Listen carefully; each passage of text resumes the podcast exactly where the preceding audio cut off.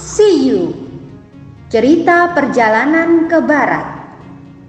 Ditulis oleh Wu Cheng En Diterbitkan oleh Buana Sastra. Selamat mendengarkan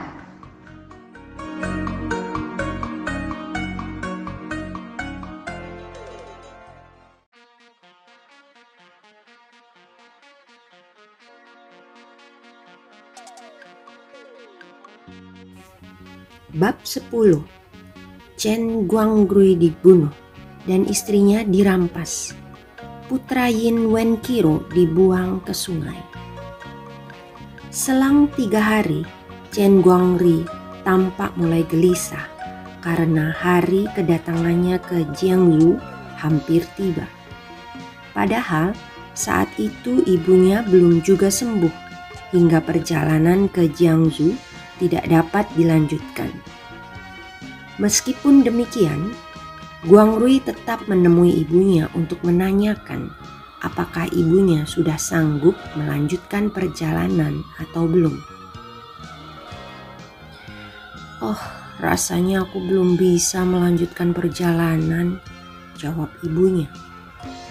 Apalagi sekarang cuaca sangat panas. Jika aku paksa berangkat, Aku khawatir penyakitku akan bertambah parah. Jika kau setuju, bagaimana kalau ibu berobat di sini dulu sampai sembuh, sedangkan kau dan istrimu melanjutkan perjalanan? Mendengar usul ibunya, Guang Rui kemudian berunding dengan Wen Qiao. Perjalanan ke Jiangsu memang sukar dan masih jauh padahal kita harus segera sampai ke tempat tugasmu. Jadi biarlah ibu berobat dulu agar penyakitnya segera sembuh. Kata Wen Qiao.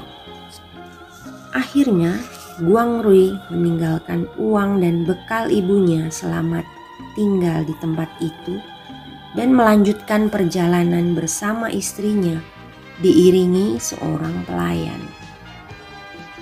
Setiba di tepi sungai Hongjiang, Guang Rui segera mencari perahu yang bisa disewa untuk ke Jiangsu. Akhirnya, Guang Rui bertemu dengan dua orang tukang perahu. Sesudah tawar-menawar ongkos perjalanan itu, Guang Rui segera mengajak istrinya naik ke perahu. Salah seorang tukang perahu yang bernama Liu Hong merasa tertarik akan kecantikan Yin Wen Kiao. Di tengah perjalanan, Liu Hong memanggil temannya. Li Bao, coba kemari. Li Bao segera menghampirinya. Ada apa? Istri penumpang kita cantik sekali ya, kata Liu Hong. Oh, rupanya kau tertarik pada wanita itu. Pentas saja, Kulihat dari tadi kau bengong seperti seorang linglung, kata Libao. Aku memang sangat tertarik padanya, jawab Liu Hong. Eh, kau harus hati-hati, sebab suaminya calon gubernur di Jiangsu, kata Libao. Kau hebat, rupanya kau banyak tahu tentang mereka ya. Tentu saja, Apalagi aku tahu sifat temanku itu keras, bahkan terkadang kejam. Selain itu, aku juga sudah menebak kau pasti tertarik pada paras yang elok itu. Jawab Libau. Hus, awas kalau kau berani sebut-sebut tentang sifatku lagi. Tapi benarkah ucapanmu tadi? Kata Liu Hong. Untuk apa aku berbohong? Kata Libau. Kemudian Li Bao mengisahkan tentang pengantin baru itu yang berhasil ia curi dengar dari pembicaraan mereka. Mendengar cerita itu, Liu Hong manggut-manggut seraya tersenyum puas. Perempuan itu harus jadi istriku, kata Liu Hong. Eh, ingatlah suaminya adalah gubernur baru di Jiangsu. Li Bao mengingatkan majikannya. Ah, aku tak peduli siapa dia. Sudah bertahun-tahun aku menunggu perempuan cantik naik perahu kita untuk kujadikan istri. Tapi baru kali ini aku sangat tertarik pada seorang wanita. Ingat, Libau, suami perempuan itu sudah ditakdirkan harus mati di sungai Hongjiang ini, kata Liu Hong. Apa? Kau mau membunuh suaminya dan mengambil istrinya? Coba kau pikir masak-masak niatmu itu agar jangan menyesal di kemudian hari, kata Li Bao. Liu Hong bukannya insaf, malah mencabut goloknya. Diam, jangan coba halangi maksudku. Nyawamu pun tak akan selamat kalau kau tak mau membantuku, kata Liu Hong dengan bengis. Mendengar ancaman itu, Li Bao ketakutan. Apalagi ia tahu temannya itu beradat keras dan pantang menyerah sebelum niatnya terwujud.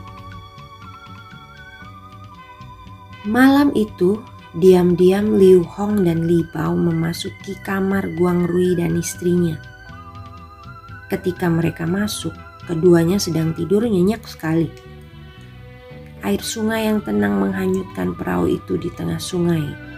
Karena situasi sekitar sunyi, hanya terdengar suara deburan sungai Hongjiang yang menyentuh badan perahu. Kedua tukang perahu itu bekerja dengan cepat.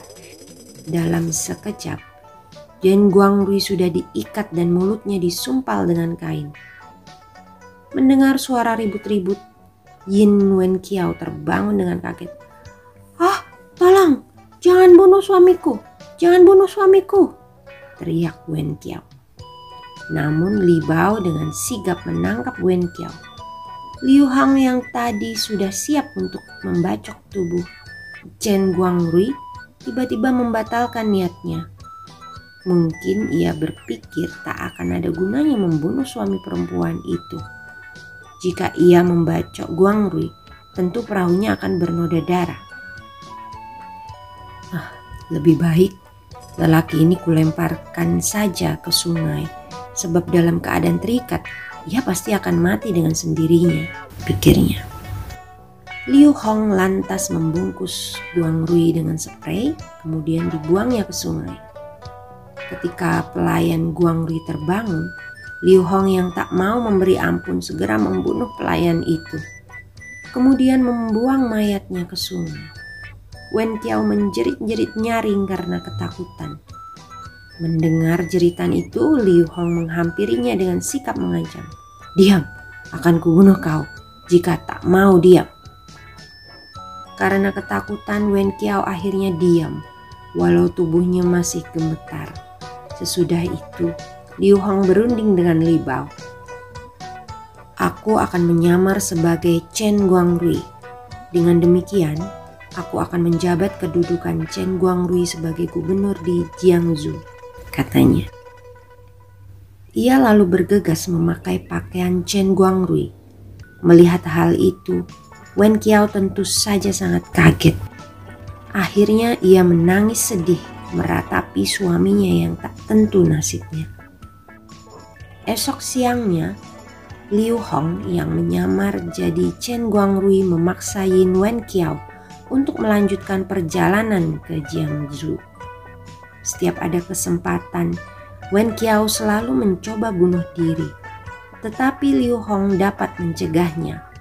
Liu Hong mengawasi tindak tanduk Wen Qiao setiap saat. Nyonya, kuharap kau jangan mengikuti jejak suamimu jadi mangsa ikan kau harus menjadi istriku sebagai jodohmu yang kedua, kata Liu Hong.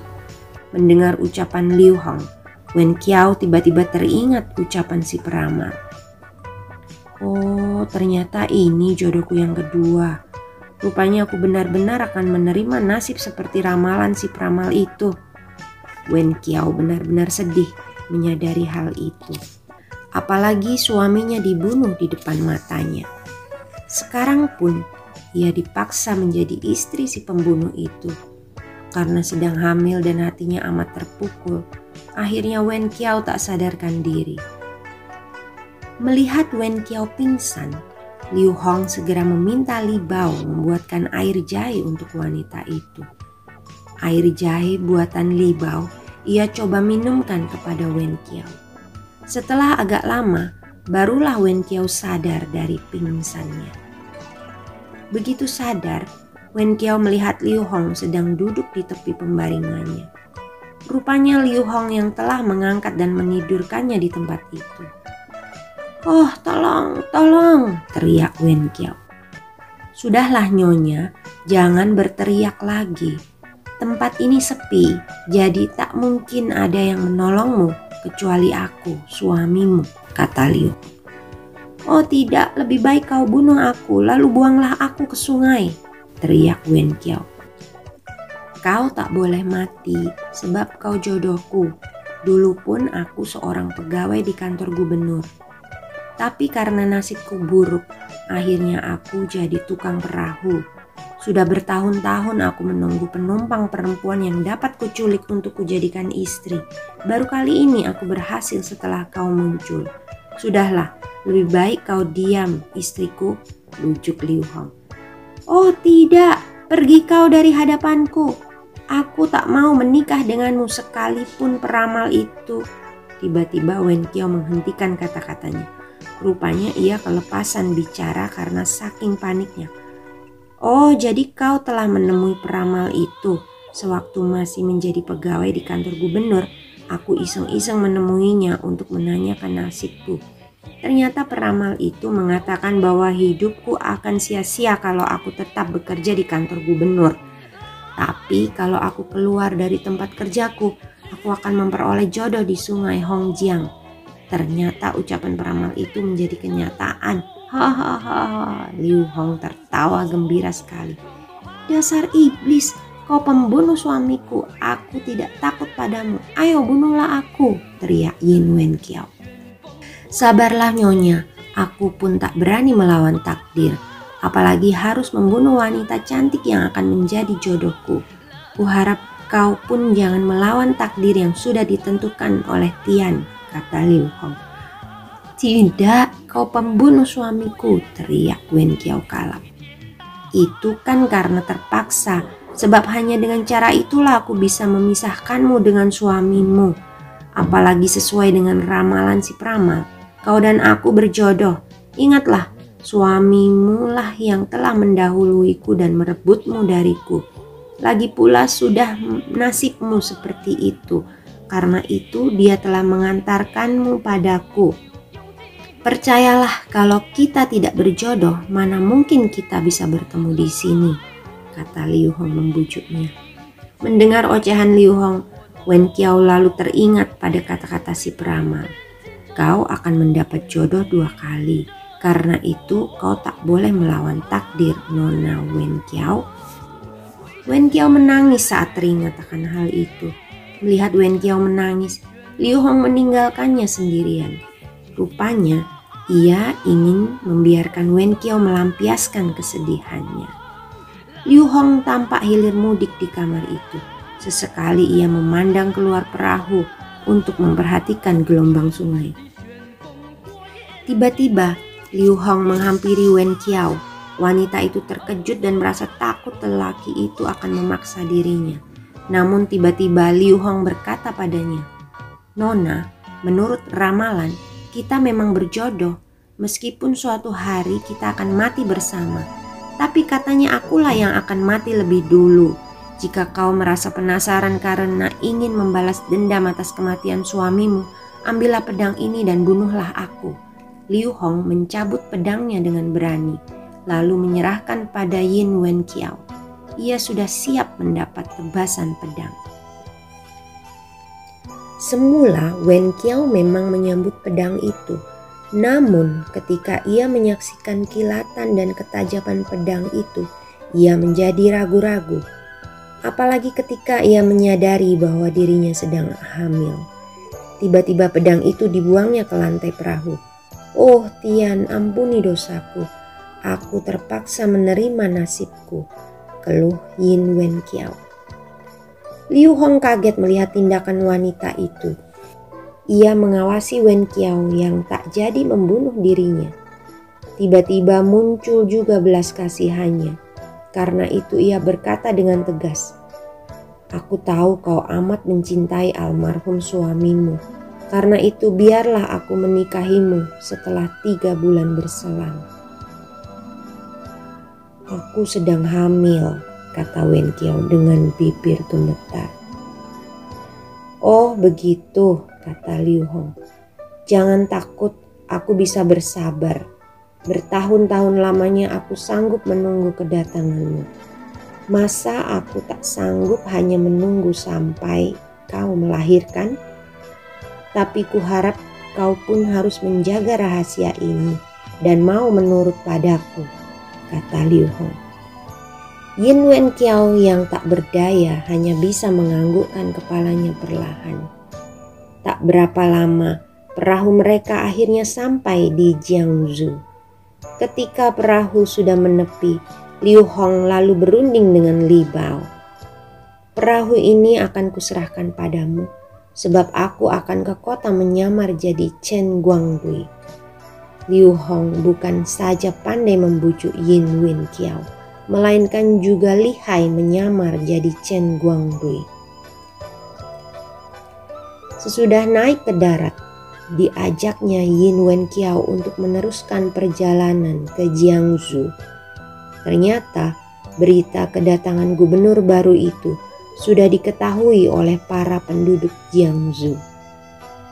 Karena itu, Liu Hong dan Yin Wen Kiao yang dikira Chen Guangrui asli, gubernur mereka, disambut oleh para pejabat dan penduduk kota Jiangsu dengan meriah sekali. Ternyata Chen Guangrui palsu dengan cerdik bisa mengelabui semua pejabat setempat. Hal ini bisa terjadi karena masa itu surat dinas tidak menggunakan gambar atau identitas yang jelas. Untuk menutupi rahasia identitas dirinya, Liu Hong sengaja tidak mengajak Li Bao. Ketika mereka sampai di gedung tempat Liu Hong bertugas, Wen Qiao terlihat masih bersedih. Rupanya ia masih teringat almarhum suaminya namun karena tak berdaya melawan Liu Hong, akhirnya ia mencoba untuk menerima nasib.